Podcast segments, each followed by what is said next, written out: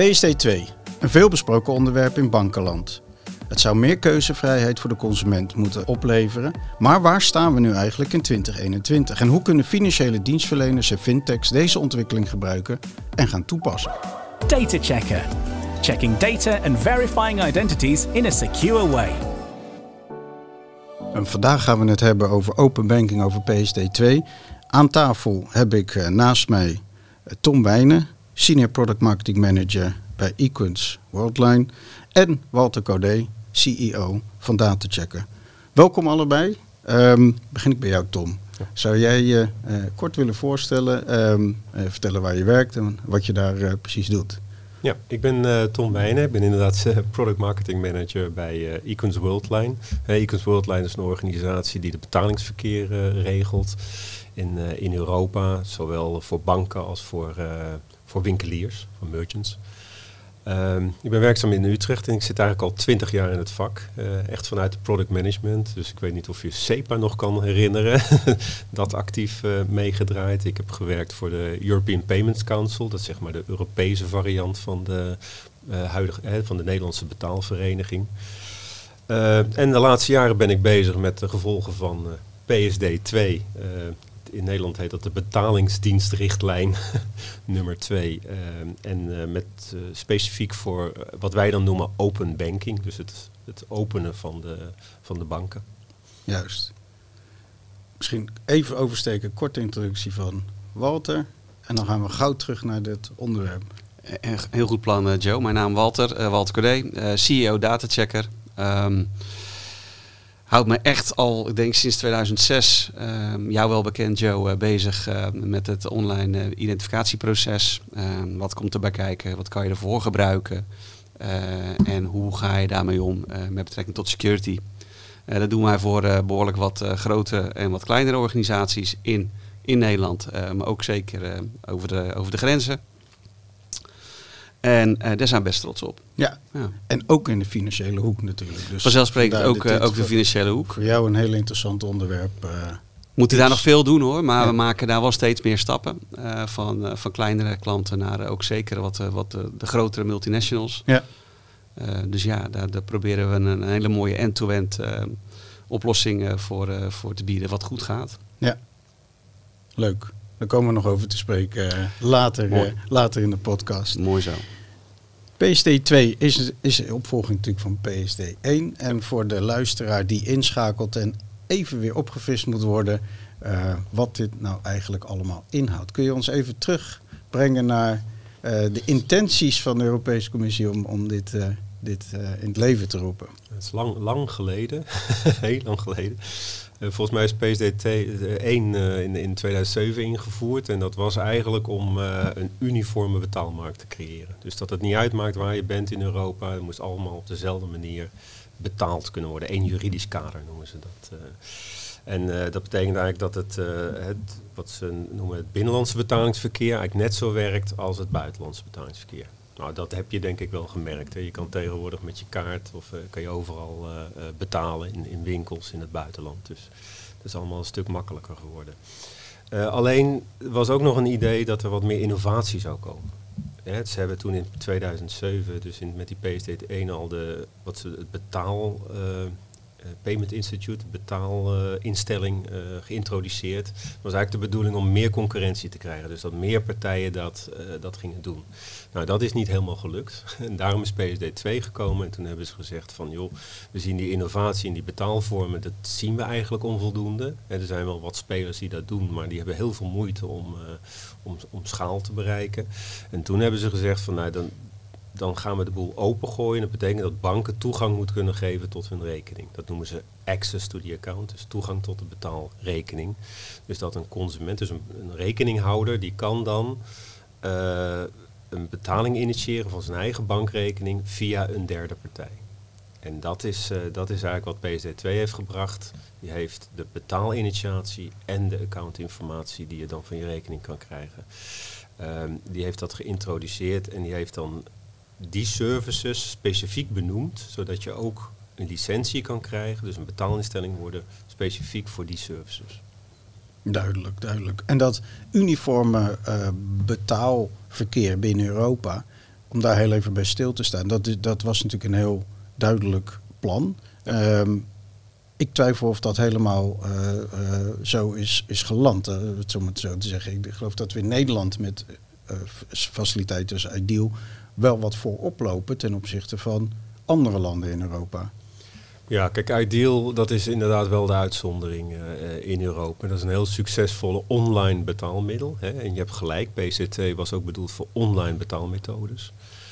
Ehm, en da daar hadden wij inderdaad Ideal. Maar ja, Ideal is natuurlijk wel beperkt tot de Nederlandse banken. In ieder geval aan de... eh, het is officieel trouwens niet beperkt, als ik in, goed in de regels kijk. Maar het blijkt wel dat eigenlijk de banken die meedoen aan Ideal, dat zijn gewoon de Nederlandse banken. Ja. Eh, het is wel zo dat eh, bijvoorbeeld, ja, ze noemen dat PSP's, Payment Service Providers of betaaldienstaanbieders, ehm, die kunnen dan een soort van licentie krijgen. En dan moeten ze wel een Nederlandse bank hebben, een acquiringbank. Maar het is wel zo dus dat buitenlandse webshops ook heel vaak Ideal aanbieden. Hè. Dus, Ja. dus het is voor een Nederlander heel makkelijk om in een buitenlandse eh, webshop te betalen, bijvoorbeeld met gebruik van Ideal. Ja. En hoe ziet zeg maar eventjes in een paar woorden het landschap eruit, het betaallandschap in Europa? Is het dan voor een Italiaan of een Duitser heel erg anders dan voor, de, Ja. voor een Nederlander? Ja, dat is, dat is niet te vergelijken. Dat, eh, eh, in Nederland, hè, online betalingen is 60, 70 procent ideal. Toch wel. Dus is ja. echt eh, gigantisch. Kijk je dat zelf in Duitsland of in Italië, dan is dat heel anders. Of in Frankrijk, daar zie je veel meer creditcard. Daar zie je, in Duitsland zie je veel PayPal bijvoorbeeld. Ehm, die hebben dan ook wel een ideal-achtig scheme geïntroduceerd, maar dat is nooit een succes geworden. Dus het is, het is nog niet zo makkelijk hoor, om zo'n schema te introduceren. Dat is echt goed gedaan van de Nederlandse banken. Ehm, dus, dus dat is echt heel verschillend eh, per land, die samenstelling van hoe, hoe er betaald wordt. Eh, kijk, in Nederland zie je met name Ideal, heel klein beetje creditcard voor wat de grotere aankopen of waar je een verzekering op wil hebben. En je ziet ook nog wel PayPal of Klarna of Afterpay. Dus die nieuwe betaalvormen, hè, dus dat je later gaat betalen of dat je in deeltjes betaalt, dat Ja. is ook wel, maar dat is maar miniem. Ja. En nu is de hoop eigenlijk van de wetgever natuurlijk dat PSD2, dat soort alternatieve betaalmethoden, want dat zijn ook, volgens mij is Klarna en, eh en Afterpay zijn ook betaalmethoden die gebruik maken van je rekening. Dus niet Ja. een kaartbetaling, maar een betaling op een rekening. Ja. En, en dat is nou wat, eh, ja, waar eigenlijk de innovatie is en wat ook gestimuleerd, eh, wat ze willen gaan stimuleren Ja. met PSD2. Is het niet zo dat we dan ook eh, een klein beetje gaan verschuiven van de typische debitmaatschappij naar iets meer credit met pay for later, achteraf betalen? Ja, ja, dat, Eh, dat zie je heel veel. Je ziet dat de keuze die men wil, dus dat is. eh, dus betalen was vroeger gewoon heel straightforward. Je betaalt met een kaartje of je betaalt, eh, weet ik veel, via een, eh, een incasso of een overboeking. En ja, mensen willen veel meer keuzes daarin hebben. Je ziet die tv, je wil hem kopen. Oh, maar ja, je hebt eigenlijk net niet genoeg geld. Dus je wil een drie keer betalen bijvoorbeeld. Ja. Zo'n zo, zo'n eh, zo'n krediet eh, ehm, die je binnen drie maanden, hè, dan val je net niet onder de, onder de kredietwetgeving. ja. Maar dat soort zaken, dat, dat is anders geworden. Mensen willen veel meer de betaling kunnen doen vanuit de mobiel bijvoorbeeld. Hè. Je wil met je mobieltje betalen, want die heb je bij me. ja. Zijn heel vaak, ik spreek mensen die zeggen van ja, ik sta in de winkel, oh, ik ben eigenlijk mijn portemonnee vergeten. Maar goed, je hebt je mobieltje, er zit dan of je kaart in, of nou ja, met PSD2 kan je dus gewoon ook vanuit je telefoon een, een, een overboeking maken.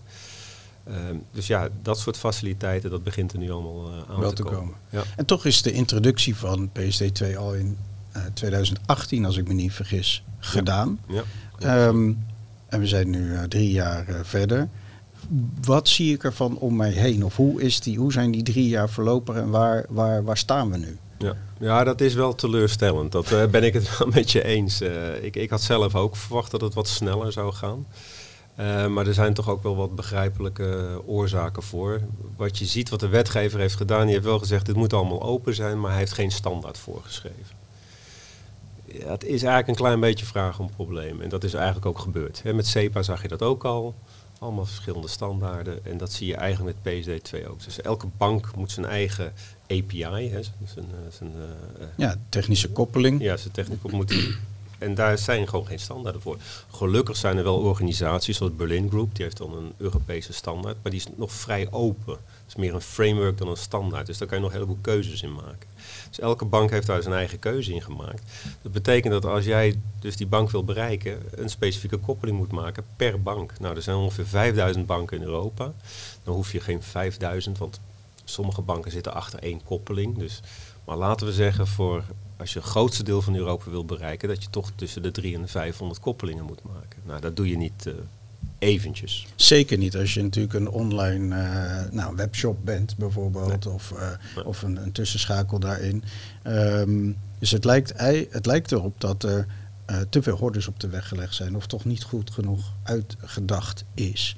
Want initieel, uh, het bevorderen, wat we in het begin zeiden, het bevorderen van uh, concurrentie en voordelen opleveren voor de consument, waar zou dat hem dan in moeten zitten? Wat zijn nou aansprekende voorbeelden van een PSD2 toepassing die we zouden kunnen herkennen?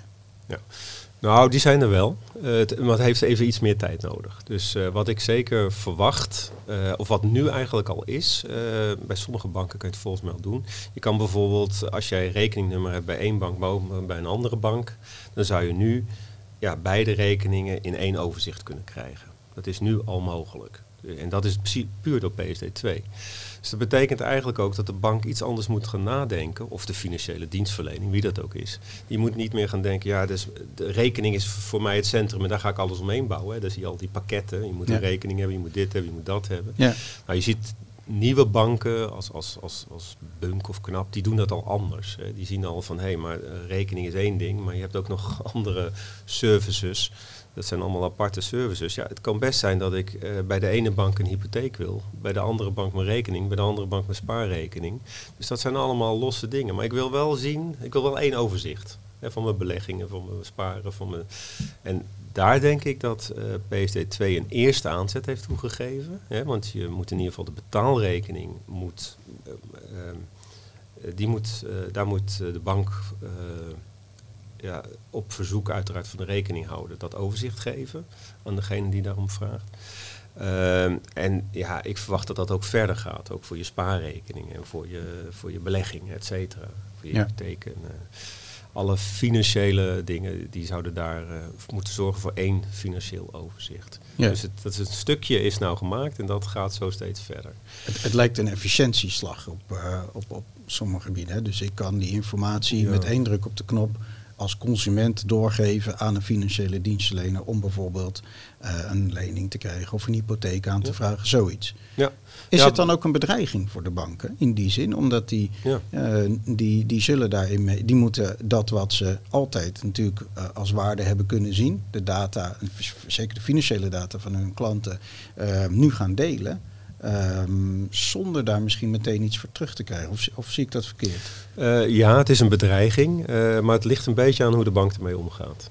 Um, kijk, als je er defensief in gaat zitten, dus je API zo moeilijk mogelijk maakt, ja, dan denk ik, ja, dan. dan maar goed, er zijn dus partijen die niet banken zijn, die zo'n licentie kunnen aanvragen. Hè? Want het valt onder een wat lager regime dan natuurlijk een bankenlicentie. Dat is een veel zwaarder regime. Dus die bedrijven die zijn wel dat soort diensten aan het ontwikkelen. Dus als bank moet je daarin meegaan. Dus uh, ik denk niet dat het een kwestie is van uh, of ze het moeten doen. Ik denk ze moeten het doen, ze moeten mee. Uh, maar meer wanneer en, en, en op welke manier. als zij financiële dienstverlener willen blijven, dan zullen ze mee moeten in, in dit spel. En dat spel betekent dat je in, in hè, wat we ecosystemen noemen. Ja. In, in, uh, je hebt allemaal verschillende onderdelen. Je hebt hypotheken, je hebt uh, leningen, je hebt, uh, je, je, hebt sparen, je hebt beleggen, je hebt verzekeringen misschien wel. Ja. Alles wat financieel is, ja, dat zijn componenten die in dat ecosysteem plaats gaan vinden. En er zijn een aantal die daarin zeggen van ja, ik zorg wel voor dat overzicht voor jou. Dus als je bij mij komt, kan jij alles zien en dan laat ik dat, uh, ja, dan, dan, dan, maak ik dat voor jou bekend. Uh, overzicht, geef ik advies. Uh, wat je zei inderdaad over een, een lening. Een, een, lening. Het belangrijkste bij een lening is natuurlijk kijken of iemand het terug kan betalen. Wat beter is als de, eh, wat, wat beter kun je gebruiken als de data van je rekeningafschriften. Daar staat echt alles op. Ja. Vergis je niet, er staat echt, als je rekeningafschrift analyseert, zeg maar, dan kun je vrij goed vaststellen, kan iemand dat terugbetalen. Ja, En ja, dat is precies, eh, eh, kijk, dat kan je heel negatief zien van, joh, je komt aan mijn data, maar als ik die partij vertrouw, ik geef de toestemming tot mijn data en ze kunnen netjes een analyse maken, dan geeft dat ook een stuk vertrouwen van ze kunnen een, eh, ehm, een lening op mijn maat zetten. Ze kunnen het echt personaliseren, ze kunnen het echt maken zoals het beste is voor mij. ja. En dat is een trend die zie je wel in meerdere industrieën. Dat eh, heel persoonlijk maken van aanbiedingen, dat, dat zie je steeds meer komen. En dat kan met dit soort bewegingen. Ja, ja. Zijn er ook andere voorbeelden van, van hoe het voor een eindklant eh, eruit zou kunnen zien? Ehm, ik heb, ehm, je hebt het digitale eh, huishoudboekje eh, genoemd, het op maat snijden van een, ehm, een lening bijvoorbeeld. Wat ik overigens daarin zie, is dat de banken een rol kunnen spelen in meer, hè, niet alleen plat als dienstverlener. Ik, eh, ik let op jouw geld en ik verzorg de betalingen die je er wil doen. Maar ik ga ook wat dieper en ik ga ook zorgen voor goed financiële huishouding. Ja. En, en help je daarbij en krijg je veel meer een adviserende Ja. rol misschien. Ja. En het is niet alleen voor particulieren, hè? het is ook voor bedrijven. Dus eh, eh, bedrijven hebben ook rekeningen en met die rekeningen kan je ook informatie en dan kun je dus hele cash management oplossingen, dus li liquiditeitsproblemen zien te voorkomen hè? of, of eh, te voorspellen. Eh, ja, voor, voor bedrijven is dat ook heel interessant. Want eh, zeker bedrijven die eh, bepaalde ja, cashflows hebben, die kan je heel goed analyseren op basis van die data. En dan kan je ze voorstellen doen van, joh, je, komt waarschijnlijk volgende, volgende maand eh, kom je wat cash tekort. Dus Ja. eh, misschien wil je wat lenen, maar dan heb je weer een cash overschot. Dat kunnen we wegzetten. Nou ja, Ja. dat kunnen ze allemaal goed, eh, goed analyseren met dit soort mogelijkheden. Ja, je ziet toch nog niet dat er ehm, eh, enorme hoeveelheden van dit soort nieuwe spelers in dat ecosysteem, in ieder Nee. geval op mijn netvliezen, is, die, is het verkrijgen van die licentie toch lastig? Ja. Of hoe, hoe steekt dat in elkaar? Waarom zien we nog niet? Want er liggen ontzettend veel mogelijkheden zo te Ja, horen. nou, ik denk dat je de spijker op zijn kop slaat. Ehm, het verkrijgen van een licentie en ook het, eh, alle maatregelen die daaromheen zijn, met compliance en wat je allemaal moet doen, dat valt niet mee. Eh, dat is toch, dat is ook weer een beetje opvallend. De regulator, dus de, de wetgever, heeft gezegd dat moet, eh, ja, dat noemen ze een competent authority, dus een, een bevoegde autoriteit binnen een land regelen. Dus dat is eigenlijk per land geregeld. Ehm, dus ja, de ene gaat daar wat anders makkelijker mee om dan de ander. Dus je hoort ook hè, dat zo'n licentie moet je ergens in Litouwen gaan halen, want daar hebben ze de minste voorwaarden. Ja. Ja. dat is natuurlijk een beetje raar, maar eh, all in all, als jij niet in de financiële dienstverlening zit en je moet ineens aan al, al dat soort KYC en Know Your Customer en AML, money, eh, dus monitoring van transacties, gaan voldoen, ja, dat is niet eenvoudig. Dus Nee. je ziet ook in totaal zijn er iets van 450, 500 eh, licenties verleend, waarvan de meeste nog in Engeland. Ja, die tellen inmiddels eigenlijk niet meer mee. Hè? Nee. Dat is de, met de brexit een beetje. Dus je ziet dat het eigenlijk een hele beperkt aantal is. Ja. Eh, maar eh, ja, en dat is wel jammer, want wat we net schetsten, al die mogelijkheden, die zijn er wel. Maar ja, Ja. het verkrijgen van een licentie, de, geen standaarden. Dat overigens van die standaarden, dat is natuurlijk ook weer door een aantal eh, bedrijven opgelost. Hè. Dus je ziet bedrijven zoals wij doen dat ook. Eh, wij hebben inmiddels iets van meer dan 3000 koppelingen naar, eh, naar banken toe.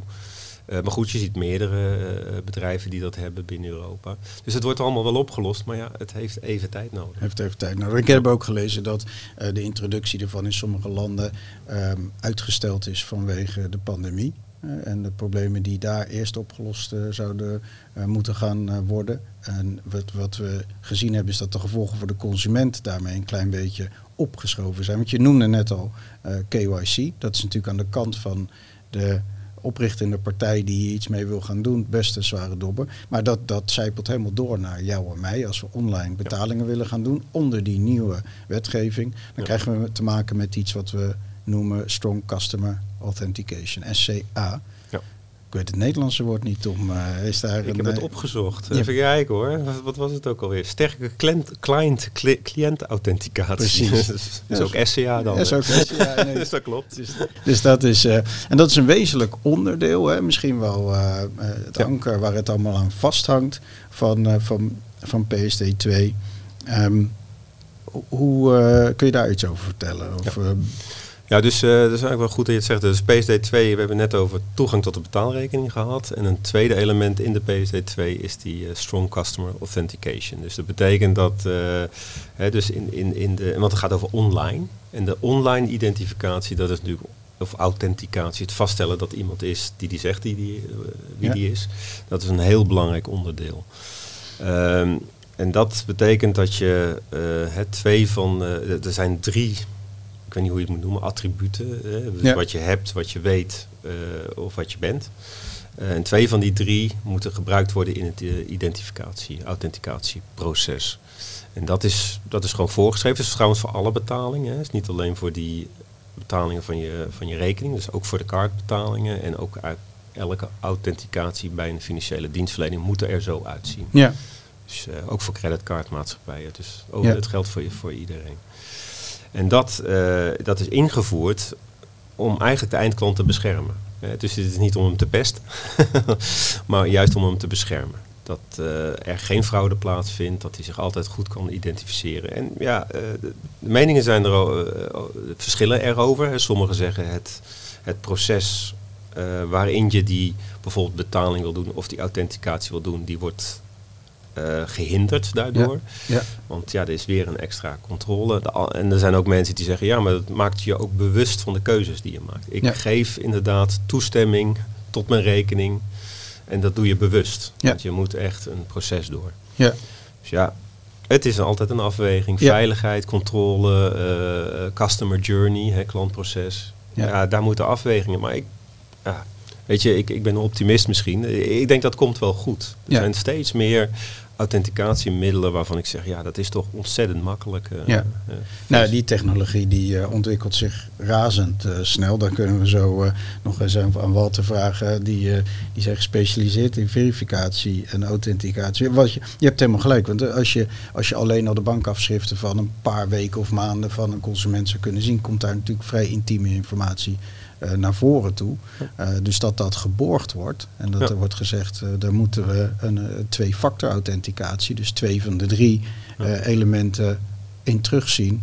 Dat kan ik me wel voorstellen. Overigens viel mij op dat eh, twee dingen eigenlijk. Eén, dat die frictie toch nog wel wat problemen oplevert. Eh, in Engeland hadden ze een eh, meting gedaan waarbij eh 40 plus procent, dat dacht tussen 40 en 45 procent van de, van de ehm, eh, karretjes, hè, de digitale winkelkarretjes, toch vol blijven, niet afgerekend worden op het moment dat er een, een twee-factor authenticatie gevraagd wordt. Dus daar is nog een wereld, wereld te winnen natuurlijk. Ehm, en tegelijkertijd is die, is die borging natuurlijk toch heel erg belangrijk. Dus daar is technologie een, eh, een, een, hele, een hele goede. Ehm, hoe, eh, hoe zie, zie jij, heb jij het idee dat, dat privacy in het geding is op dit moment hierdoor? Of, eh, Nee. nee, zeker PSD2 vind ik, en, en zeker de, de EBA, dat is de European Banking Authority, die heeft wat guidelines, hè, wat richtlijnen uitgeschreven.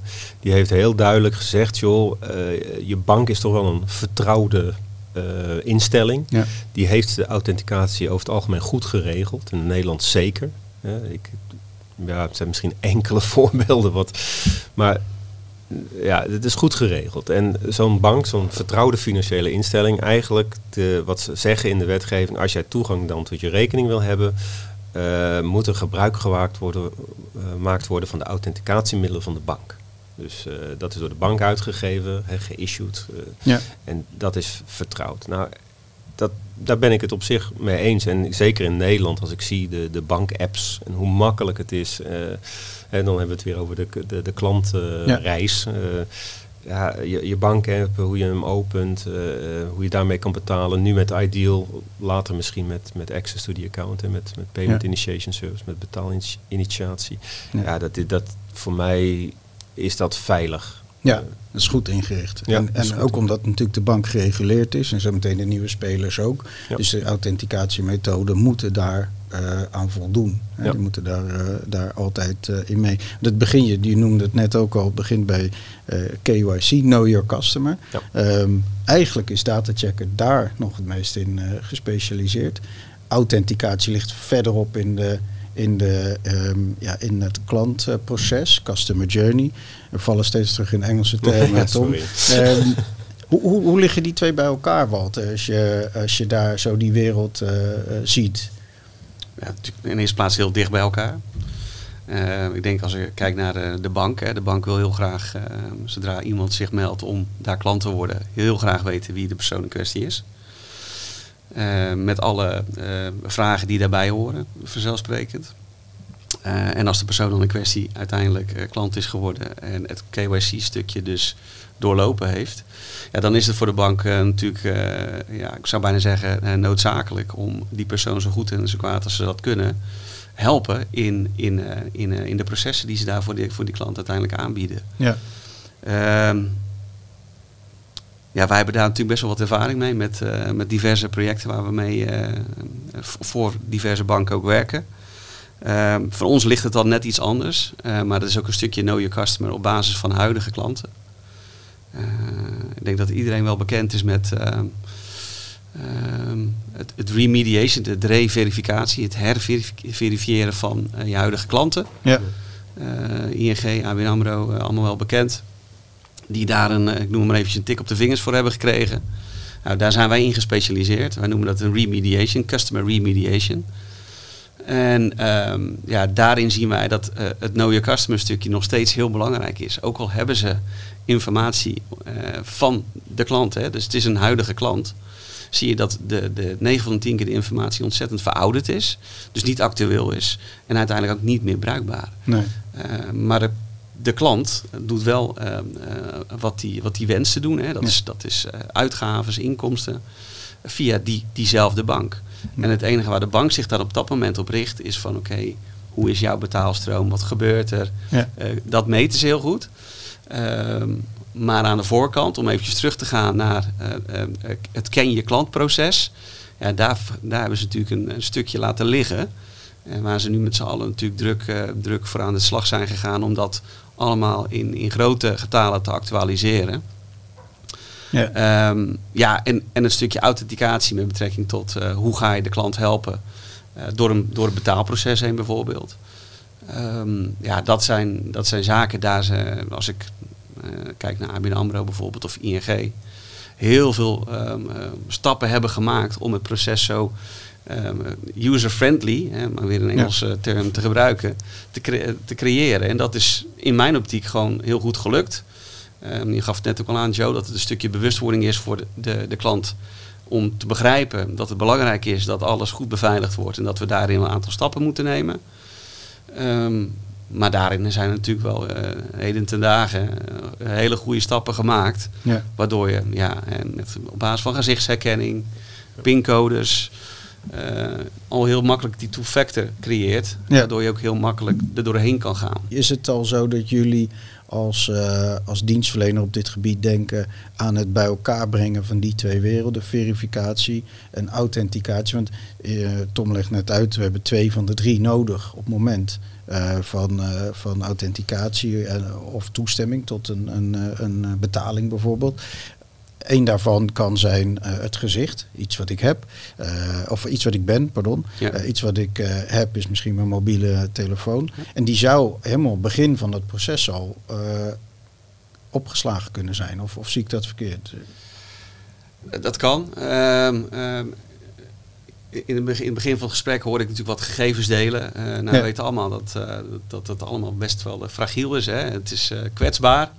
Hoe gaan we daarmee om? Hoe kunnen we nou eh, uiteindelijk de, de consument, de klant, eh, nou in ieder geval het signaal geven, joh, maak je geen zorgen. Die informatie is veilig bij ons. Ja. Eh, wij zorgen ervoor dat het goed, in ieder geval in de processen eventueel verwerkt wordt.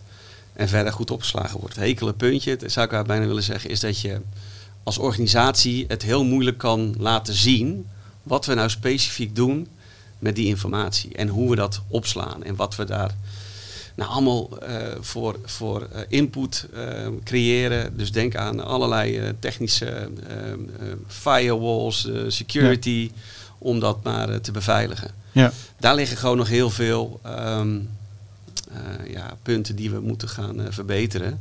Het vertalen van de technologie naar de consument is heel belangrijk in deze. En, Ja. Ehm, Ja, vooral ik zat te denken ook aan eh, wat Tom net noemde, de frictie in het proces die geïntroduceerd moet worden. Die brengt natuurlijk veiligheid met zich mee. Ontzettend eh, belangrijk. Steeds meer bewustzijn onder eh, consumenten, jij en ik, dat dat belangrijk is. Dat je je data niet gestolen wil zien worden. Ehm, ja, ook en dat, hè? techno- technologie kan daar misschien een bijdrage aan leveren om toch die frictie te verlagen. Terwijl we de, de, de fraude niet eh, toe laten nemen. Ja. De AVG geeft heel duidelijk aan, heel mooi aan, van, joh, eh, jij bent eigenaar van jouw eigen eh, data. Ja. Een, een, een, organisatie zoals de bank mag dat gebruiken. Ja. Daar geef je akkoord voor. Ja, maar als dat nou stopt, die samenwerking, wat gebeurt er dan met jouw data? ja. Dan krijg je geen dossiermap waarin jouw data staat. Kijk eens, u bent geen klant meer bij ons, dus we geven uw data terug. Nee, nee. Een bank hè, moet eh nou, ja, zomaar, denk ik, vijf jaar lang eh, die data nog bewaren na eh, eh, het aflopen van de. de ja, het is geen samenwerking, maar Contract. het contract, dankjewel. Ja, en dat zijn dingen die natuurlijk ehm, nog steeds heel belangrijk zijn. Dus Ja. ik vind dat we ergens, we moeten uiteindelijk ergens een keer een keuze maken waarin we de consument altijd dat inzicht kunnen geven. Ja, In, in welke manier, in welke vorm dan ook. Hè. Er zijn heel veel mogelijkheden, maar daar moeten we naartoe. ja die verplichting is die natuurlijk ontstaan met, eh, met de AVG. Exact. En, maar daar zit nog veel meer. Het is prima, het staat op papier. In, in, in alle eerlijkheid durf ik te zeggen, het stond al veel langer op papier. Alleen het is al een stukje bewustwording geweest. Ja, Maar we moeten dat eh, uiteindelijk wel een keer gaan naleven. En dat Ja. doen we met z'n allen op, op een bepaalde manier, waardoor we het ons bewust zijn. En we daardoor ook heel belangrijk vinden dat we die data goed waarborgen. Dat het allemaal goed eh, beveiligd opgeslagen staat. Maar dan zijn we er nog niet. nee. Nee, het voelt een beetje, eh, kijk ook naar jou Tom, eh, of de AVG en PSD2 een beetje een tegengestelde beweging maken. Eh, want de PSD2 eh, zegt eh, delen, delen, delen. Probeer die data te delen. En de AVG zegt nou, daar moeten we heel voorzichtig mee zijn. Ehm, en transparant naar de consument over zijn. Nou, ik zou zeggen, het is een schijnbare tegenspraak. Het, is, het, het, het, het kan samengaan. Dus je moet, hè, dus PC2 gaat natuurlijk alleen over banken, hè, over rekeningen, rekeningen.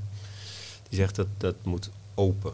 Eh, dus dat moet toegankelijk zijn. Maar wel op basis van de consent van de rekeninghouder. Daar zit al dat, eh, dat hè, wat we het net besproken hebben. Dan moet je een twee factoren, two-factor authentication doen. Ja. Ehm, dus dat is wel heel veilig. Ehm, maar wat ik zie met die identificatie of authenticatie is dat, ehm, kijk, banken hebben dat omdat zij gereguleerd zijn, redelijk goed opgeslagen en veilig opgeslagen. De overheid heeft ook het een en ander van je. Dus er zijn eigenlijk meerdere partijen die gegevens van jou hebben. En waar je het dan over hebt is, ja, maar ik wil eigenlijk als ik bijvoorbeeld bij een winkel mij wil, moet identificeren, wil ik gebruik maken van dat soort gegevens. Want we Ja. hebben het over online. Hè? Dus Ja. we hebben niet, ik ga mijn paspoort laten zien. Nee, we hebben het over online. Dus je wil eigenlijk dat er toegang is. Dus eh, ja, ik kom bij een winkel, ik moet me authenticeren. Dan wil ik gebruik maken of van de bankauthenticatie, of ik wil gebruik maken van eh, de, de, de DigiD, hè, van de authenticatie van de overheid. En, en dat moet denk ik wat makkelijker worden. Daar is men, een, al, is men jaren over bezig in Nederland. Al ja, ik weet niet hoe lang al. Eh, er is een, bijvoorbeeld een identificatie, dat heet IDIN in Ja. Nederland. Het is eigenlijk op dezelfde leest geschoeid als, eh, als, als Ideal. Het is gewoon authenticatie op basis van jouw bank, eh, eh, wat je bij de bank hebt neergelegd. Eh, nou ja, ik zie de ontwikkelingen met DigiD. Hè, dat, ja, dat, wordt ook allemaal wat makkelijker hè, met de app en, en et cetera. Dus dat gaat wel de goede kant op. maar ja, daar, daar moet eens een keertje over een uitspraak over komen. Joh, als overheid, eh, bedoel, waarom zouden we die bankidentificatie niet vertrouwen? Dat Ja. kan, dat, daar kan je toch ook mee au- identificeren. Een heleboel mensen vertrouwen daar al op. Dus Ja. gooi dat open. Ja, En, En- dat, daar denk ik dat PSD2 een goed voorbeeld is. En dan zou je eigenlijk voor de identiteit. eh, nou, EIDAS zegt al, je moet je hè, kunnen identificeren cross-border, dus Ja. in- ook in andere landen. ja. Eh, maar laten we even binnen Nederland eens kijken. Kunnen we ons niet identificeren met, eh, met, met mijn bankauthenticatie? Ja, ik denk dat voor identificatie een, ehm, eh, de, de, het voorbeeld van hoe, hoe payments, betalingen zich ontwikkeld heeft, een, een mooie is. En ehm, dat banken wel degelijk een voordeel hebben ten opzichte van de fintechs of de nieuwe banken als het gaat om dit soort gegevens, omdat het vertrouwen daar al ligt. Ja. Eh, ik heb daar mijn eh, geld al eh, gestald, Ja. al heel lang. Ehm, en ik vertrouw ze daarmee, dus waarom zou ik dat met die... Dus ik ben met je eens dat daar voor de banken in feite een, een, een kans ligt. Waarom zouden ze niet een ehm, klant kunnen hebben die puur bij ze is, omdat ze daarmee zichzelf kunnen identificeren. En niet alleen maar als eh, financiële dienstverlener de, de, de bank zien. Ja. Daar, daar, daar liggen wel kansen. Walter, jij eh, sprong ook even bij me. Ja, nee, Ik, goed. eh, Als je, als je kijkt naar authenticatie, er zijn gewoon, ik denk, meerdere momenten dat je een bepaalde authenticatie kan toepassen. En bij de ene zal die wat zwaarder wegen dan bij de ander. En ik denk als je daar alleen al naar gaat kijken, dus op basis van niveaus, noem ik het maar eventjes, al heel veel gaat winnen. Op, ja, hè, dus het makkelijker laten, laten, laten verlopen van het authenticatieproces. Alleen delen wat je moet delen voor de transactie. Op daar zit natuurlijk een- ook dat stukje wat jij juist noemde van eh, let op, privacy. eh, ehm, jij bent eigenaar van je data en je deelt alleen dat wat je eh, nodig acht of Ja. nodig is. Ja. Maar goed, is wat Tom ook zegt. Als je inderdaad het, het, het collectief, vanuit het collectief gaat benaderen, overheid banken, Ja.